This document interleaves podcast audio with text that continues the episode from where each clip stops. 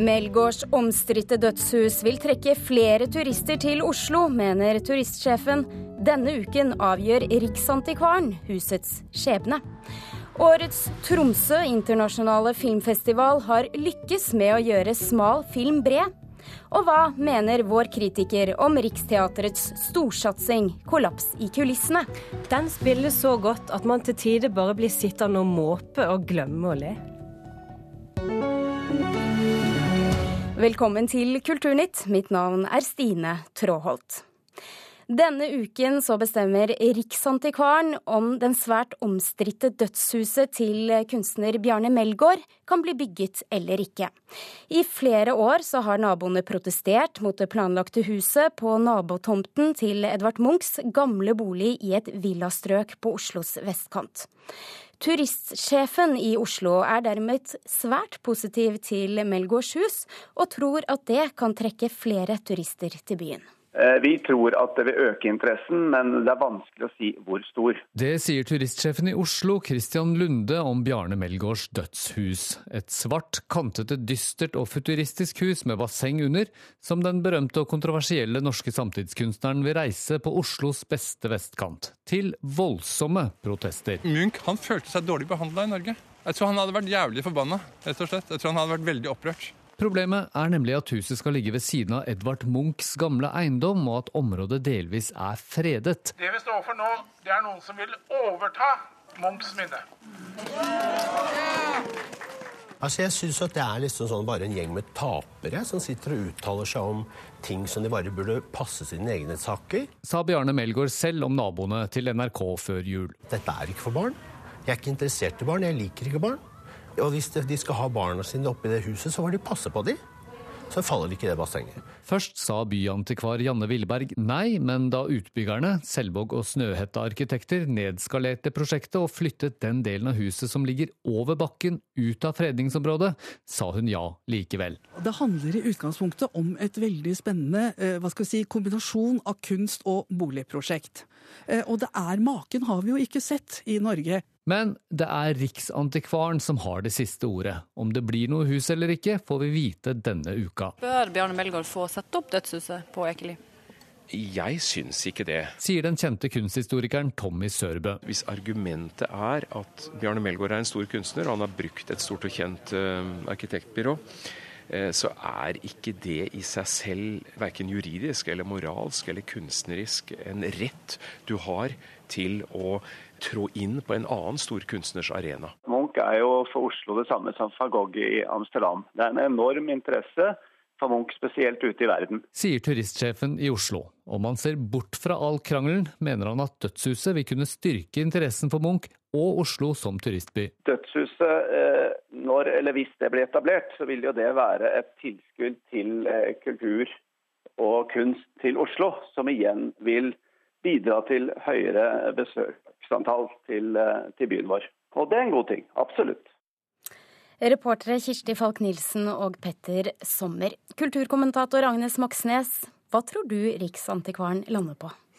Det vet jeg ikke. Det er faktisk ganske spennende. Han kan si ja til eh, utbygging. Han kan si nei. Han kan også be om å få litt mer betenkningstid. For det, så, det er så sterke følelser i sving her at det er veldig viktig at Riksantikvarens avgjørelse er eh, veldig korrekt i, i forhold til, til eh, fredningsreglene som gjelder.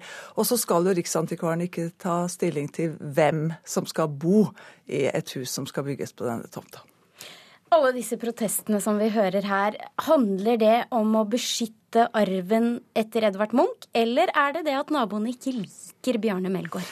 Det er nesten helt umulig å, å, skille det. Det er jo veldig mange som har et sterkt eierskap til Edvard Munch, så i bunn og grunn så handler det jo om det å beskytte hans eh, arv. Men så er jo spørsmålet om hvordan man skal gjøre det. Og det har i denne sammenheng gitt seg veldig mange og sterke uttrykk, bl.a. da i synet på Bjarne Melgaard. Og, og, for å si det sånn, kjærligheten til Bjarne Melgaard er ikke så stor i aksjonsgruppa på, på Ekeli. Nei, fordi i en kommentar på NRKs nettsider så du, sammenligner du denne motstanden mot Melgaard med en ulvejakt. Hva legger du i det? Jeg har fulgt denne debatten ganske lenge, og jeg syns det er ganske mange eh, paralleller til argumentene som brukes om ulven. Altså Bjarne Melgaard blir sett på som en inntrenger. Eh, han har ikke noe her å gjøre. Eh, han er farlig. Det hintes til Melgaards seksuelle preferanser. Man sier at han gjør seg selv stor ved å snylte på, Edvard, Edvard, Munch. Så det er en veldig hissig og, og aggressiv personhets mot Bjarne Melgaard, som har vært veldig ubehagelig å, å følge. Og man kan jo egentlig skjønne hvorfor Bjarne Melgaard svarer som han gjør i det intervjuet vi hørte akkurat nå. Og med alle disse protestene, kan dette være en fin ting for uh, turister som vil komme til Oslo? Jeg hører turistsjefen gjerne vil ha dette bygget opp. Man skal alltid holde turistsjefer i øra, for man må ikke lage sirkus ut av Edvard Munch. Men, men uh, dette atelieret etter Munch, det ligger der. Er veldig få også folk som bor i Oslo som vet hvor det er hen. Eh, det er veldig fint å gå der, fordi at en stor del av den tomta som vi snakker om her, den, hvis den fortsatt er eh, altså Sånn som den er nå, så ser du veldig mange av de maleriene og, som, eh, og, og ja, de bildene som Munch malte, kan du se igjen i landskapet rundt der. Riksantikvaren, som vi sa innledningsvis, avgjør denne uka, men har han siste ord? Nei, han har ikke det. Det er eh, som i ulvesaken, så kan denne saken her ende på miljøvernminister eh, Vidar Helgesens spor til slutt. Tusen takk, kulturkommentator Agnes Moxnes. This is really musicians making music, and it's about music, and it's no end game. Maybe it sounds like a cliche, but it's about putting art back into the forefront. It's about bringing humanity back to being an artist. Her hørte vi superstjerne JC og Madonna fra lanseringen av strømmetjenesten Tidal i 2015. I dag så må Tidal møte i retten, det skriver Dagens Næringsliv. Hva skyldes det, reporter Gaute Sakariassen? Ja, Det er det pakistanske teknologiselskapet Rockville som ifølge avisa nå går til eh, søksmål eh, for å få tilbake 540 000 dollar, som, eh, som de mener de har krav på. Tidal, eller Wimp, som selskapet kalte seg den gangen dette samarbeidet ble innleda, de skulle levere teknologiplattformen til tjenesten Telenor Music, mens Rockville da skulle levere innholdet. Og dette selskapet mener altså nå at Tidal de løp fra regninga, mens Tidal på si side mener det var store mangler med det innholdet som Rockville leverte. Og dette er jo faktisk ikke det eneste av Tidals problemer som vi har kunnet lese om i Dagens Næringsliv de siste dagene. Hva dreier det andre seg om? Nei, det begynner å nærme seg Det begynner å bli ganske mange problemer for, for selskapet, som jo ble eh, kjøpt av eh, rapperen Jay-Z i 2015. Eh, og Dagens Næringsliv trykka jo også lørdag en lengre artikkel om Tidal, der det kommer frem at selskapet skal ha blåst opp abonnementstallene sine etter at Jay-Z overtok selskapet, og, og da forsøkte å ta opp kampen mot Spotify og Apple internasjonalt. Oh, fuck you! It's horrendous. it's nice. I think when it comes down, I'm gonna. Oh, oh, oh! It's it. not. It's not. It's not done. Ja, dette var eh, rollekarakteren Jessa eh, som eh, diskuterte håret sitt i HBO-serien Girls. Og nettopp denne frisyren til Jessa er saken Dagbladet trekker fram i dag. Ja, eh, Dagbladet skriver at stilen til vår egen Skam-Nora har blitt en trend verden rundt. og de påpeker da at figuren Jessa i HBO-serien Girls plutselig da har fått svært Nora-aktig frisyre og look i sesong seks, som kommer nå i, i februar. Og Dagbladet har også fått aller medias moteekspert Ingeborg Heldal til å si at det om ikke annet ikke er usannsynlig at det er Nora som er forbildet. Tusen takk for den orienteringen, reporter Gaute Sakariassen. Tromsøs årlige filmfestival er over for denne gang, i år den 27. i rekka. Publikum på festivalen stemte på lørdag fram Ishavsblod, de siste selfangerne, til årets publikumspris. Birger Vestmo, filmkritiker her i NRK, var det en fortjent pris, syns du? Ja, definitivt. Det her er en overraskende velskrudd dokumentarfilm, som da skildrer livet om bord på selfangstskuta Havsel, og det kanskje siste toktet i Vestisen, da, nord for Island, i 2015. Så her syns jeg regissørene Trude Berge Ottersen og Gry Elisabeth Mortensen gir da et veldig interessant innblikk i hvordan moderne selfangst foregår, samtidig som vi får da fine personkarakteristikker av et fargerikt mannskap. Og hvordan vil du oppsummere årets festival? Ja, det overrasker meg til stadighet at festivalpublikummet finner veien til de smaleste, rareste filmer. Altså, her får man da stort besøk på filmer fra mindre filmland, og gjerne i smale sjangere, som kanskje ikke trekker publikum til kino til vanlig, men akkurat under TIFF så virker det som om et stort publikum, både unge og gamle, er åpen for alle typer film som de kanskje ikke er så interessert i resten av året. Ja, Noen vil jo si at dette er et kunststykke som mange vil misunne dem. Hvordan klarer de det, tror du? Nei, De har jo da holdt på i flere år, og sakte, men sikkert bygd opp et fast kundegrunnlag, om vi kan si det slik. Og vi ser jo at det er høyt trykk på kinoene allerede fra mandag av. Og det kan virke som mange tar seg fri for å se masse film akkurat denne uka i Tromsø. Og litt om andre høydepunkter for deg, Birger Vestbo. Vi har allerede nevnt Ishavsblod, De siste selfangerne, men fantes det flere? Å ja, det er blant annet en film som heter Christine, som er regissert av Antonio Campos. Et amerikansk drama der Rebecca Hall gjør en formidabel hovedrolle. Hun spiller da TV-reporteren Christine Chubbuck, som jobber i en liten TV-kanal i Florida på starten av 1970-tallet, der nyhetsdekninga tar en dreining over til det mer sensasjonspregede, mens Christine har ambisjoner om å utføre mer seriøs journalistikk, samtidig som hennes mentale tilstand blir faretruende dårlig. Og dette er basert på en virkelig person og virkelige hendelser, og de som kjenner Christine Chubbucks skjebne, vet hvordan dette går. Det får ikke norske kinogjengere se, for den har foreløpig ikke norsk kinodistribusjon. Og så vil jeg trekke frem Nowhere to Hide, en delvis norskprodusert dokumentar som vant hovedprisen på IDFA-festivalen i Amsterdam i november, der en irakisk sykepleier har filma seg sjøl gjennom fem år, både på jobben og på privaten, og vi ser hvordan krigen rykker stadig nærmere, og til slutt så må han rømme med familien når krigen når hushjørnet hans. Og får vi se den på kino? Det får vi heller ikke. Den har i hvert fall ikke kinodistribusjon foreløpig. Tusen takk, filmkritiker i Filmpolitiet Birger Vestmo. Du hører på Kulturnytt, og klokken er nå 16 minutter over åtte. Dette er nyhetsoverskriftene denne morgenen. En av åtte unge kvinner er så misfornøyd med underlivet sitt at de vurderer plastisk kirurgi. Det viser en ny undersøkelse Norstat har gjort for NRK. Kommuner som blir slått sammen med tvang, kan bli egne kommuner igjen om Arbeiderpartiet kommer til makta. Og reforhandling av frihandelsavtalen NAFTA mellom USA, Mexico og Canada vil starte snart, sier president Donald Trump. Denne uken så går startskuddet for vårens storsatsing fra Riksteatret, West End-suksessen 'Kollaps i kulissene', også kjent som 'The Play That Goes Wrong'. Turnépremieren den starter i Lillehammer på fredag, og flere spillesteder rundt om i landet melder allerede om utsolgte forestillinger. Her er en liten smakebit.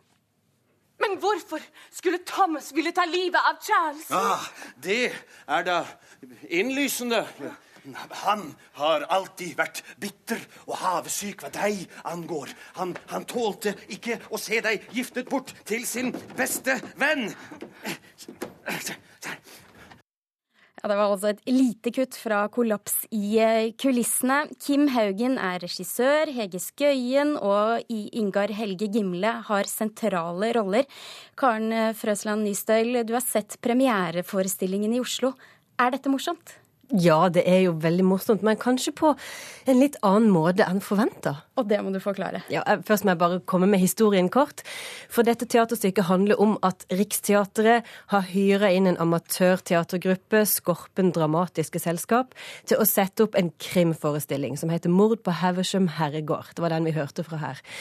Når dette stykket skal settes opp, så går alt fryktelig galt. Altså, Kulissene ramler ned, og rekvisittene er aldri der de skal. Altså, det ingenting som stemmer. Og de stakkars skuespillerne står med liv og sjel midt oppi dette, dette krimstykket og skal prøve å fullføre det mot alle odds. Og det er jo det vi ler av. Men det store i denne forestillinga, det er den dobbeltheten som hver enkelt skuespiller må ha. For eh, skuespillerne spiller jo en skuespiller i amatørteaterlaget. Og så er de den rollen de har i den krimmen de setter opp. Og det, det fortvilende og det morsomme kommer jo fram når man som, som, skuespiller står der og sier har du ikke en penn, men en vase, og så må du late som at det er en penn, samtidig som peisen går i hodet på deg. Eh, de holder ut og de holder ut, og de spiller så godt dette her, dette dobbelte, disse skuespillerne, at jeg i hvert fall glemte å le innimellom. Men jeg leste anmeldelsen din på nrk.no, og der skriver du du trekker ned at det er et veldig tynt manus. Ja. Hvordan forklarer du da denne enorme suksessen? Det er et veldig forutsigbart manus. Altså, Gulvet klapper sammen akkurat der du tror det skal, og døra går i hodet på den som står på innsida akkurat når du tror den skal. Og det skjer ikke noe mer enn det man forventer. Man forventer noe ellevilt. Man forventer at eh, det skal bli ubehjelpelige skandaler på, på rekke og rad, og det kommer. Så, så, så, manuset er helt greit og morsomt i og for seg, men det store igjen, altså, det er hvordan dette spilles ut av skuespillere skuespilleren. Jeg må få trekke fram Bartek Kaminski som denne detektiven som gjør en helt fantastisk komedierolle her. Og hvordan klarer velkjente komedieskuespilleren Hege Skøyen seg f.eks. her, da? Hege Skøyen spiller en teateransatt som skal sette på plass rekvisittet til riktig tid, og det er jo en rolle som hun fikser veldig, veldig bra. Så du vil anbefale dette stykket? Ja, det er veldig morsomt. Veldig gøy. Tusen takk, eh, teaterkritiker her i NRK, Karen Frøsland Nystøl. Jeg har aldri hørt noe lignende. Det sa en brasiliansk publikummer etter å ha hørt musiker Håkon Kornstad spille konsert i Rio de Janeiro i helgen. Nordmannen spiller jazz og synger opera, opera, og det samtidig. Og det har vakt oppsikt.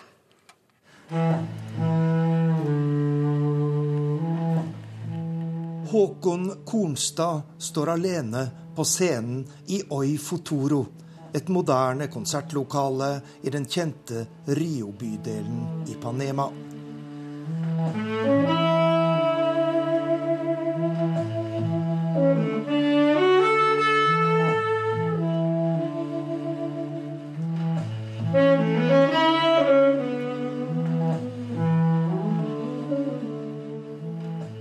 Ved hjelp av sin såkalte loop-maskin legger artisten lag på lag med musikk, slik at det høres ut som et helt orkester. Og så kommer det magiske skiftet.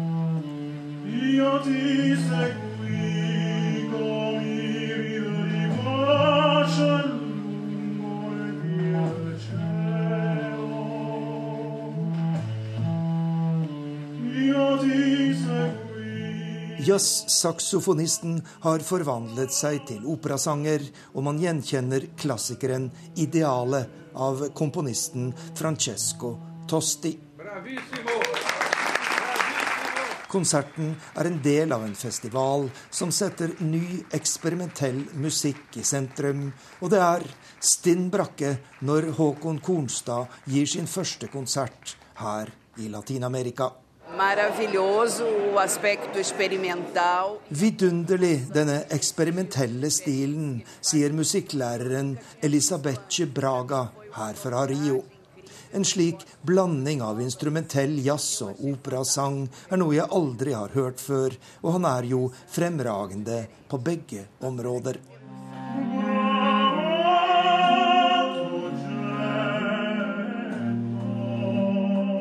Ikke bare bare å stå der med saksofon og, så, og, puste på den måten og så skulle synge. Det er virkelig, virkelig vanskelig, men det er veldig gøy når det funker.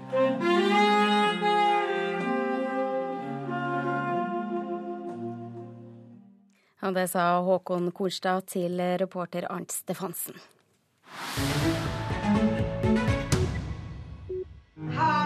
But it's all really just rules. And there are many, many rules. There are rules for people and rules for animals. There are rules for buildings and rules for war. There are rules for hands and rules for wind and rules for atoms and rules for death. Ja, det finnes regler for alt. Det er det som gjør at verden ikke er et totalt kaos. Dette er leveregelen til ti år gamle Storm i filmen Rules for Everything. Filmen har premiere denne uken og er spillefilmdebuten til nå skal jeg ta tats, kunstner, illustratør, grafisk designer, koreograf, forfatter, filmfotograf og musiker. Ja, litt enklere sagt eh, multikunstner Kim Hjortøy. Og i en av eh, hovedrollene så har han fått med seg musiker og skuespiller Ingrid Olava. Velkommen til Kulturnytt begge to. Tusen takk. takk. Kim Hjortøy, du har erfaring og kunnskap nok til å fylle de fleste funksjoner for å lage denne filmen. Hvor mange oppgaver har du tatt på deg i din egen spillefilmdebut? Jeg skrev manuset sammen med en annen, og så har jeg hatt regi, og så har jeg laga musikken og klippet filmen. Men, men jeg vil ikke Altså, det er nok Det hadde kanskje vært bedre å ha flere folk til å dele de oppgavene med. Ja, hvorfor det? Fordi folk som driver mer med en ting, har lengre erfaring med det og får en bedre, grundigere kanskje kunnskap eller hånd, hånd, håndlag. Du har bred kunstnerisk erfaring. Aldri laget spillefilm før. Hvorfor vil du gjøre det? Um, det har nok vært noe jeg har lyst til å gjøre siden jeg var uh, veldig ung, tror jeg. Eller kanskje barn. Og, og, hvor, og, da har det jo tatt lang tid, kan man jo nesten si. ja, det har det. Ja.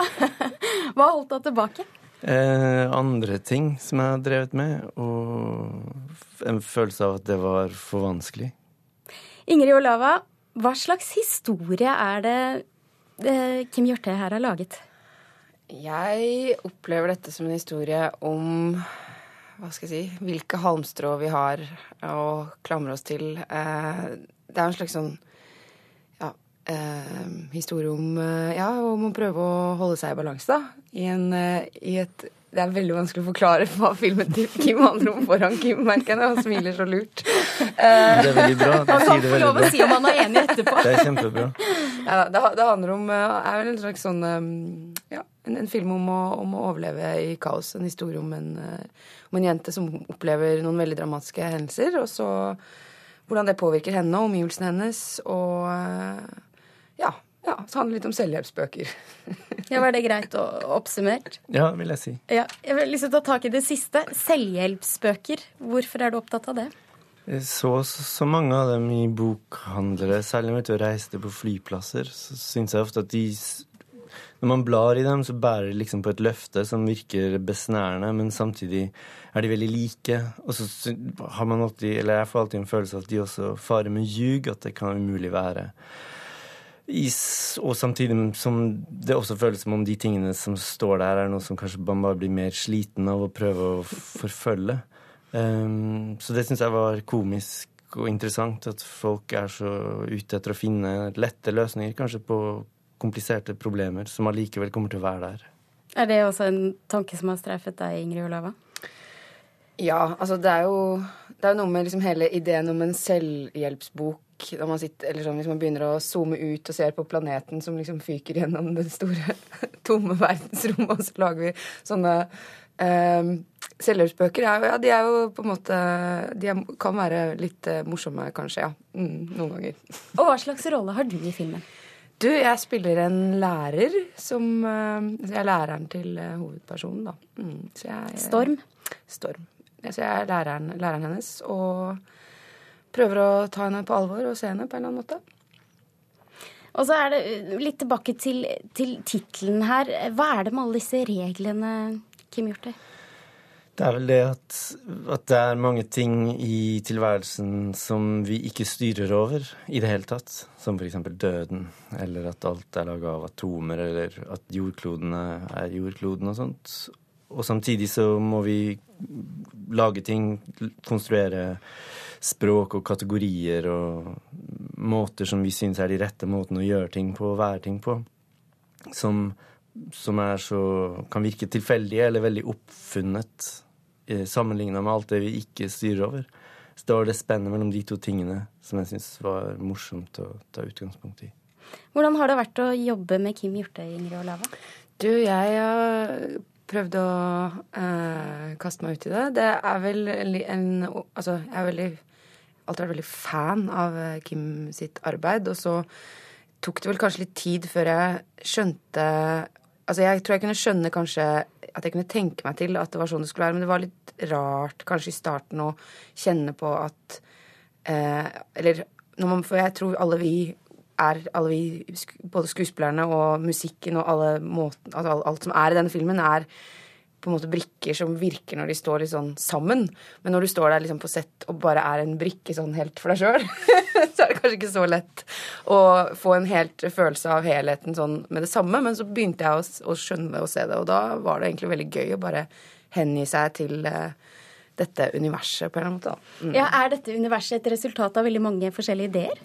Det vil jeg vel si at det er, ja. På hvilken måte? Um, det er mange Ja, hva skal jeg si? Det er vel ikke på en annen måte enn sånn som du nettopp sa det, tror jeg. Kanskje. Mange ideer i samme ting. Og filmen den har premiere til fredag denne uken. Tusen takk for at dere kom i studio, Ingrid Olava og Kim Hjortøy. Produsent har vært Lisa Stokke. Nå reklamen.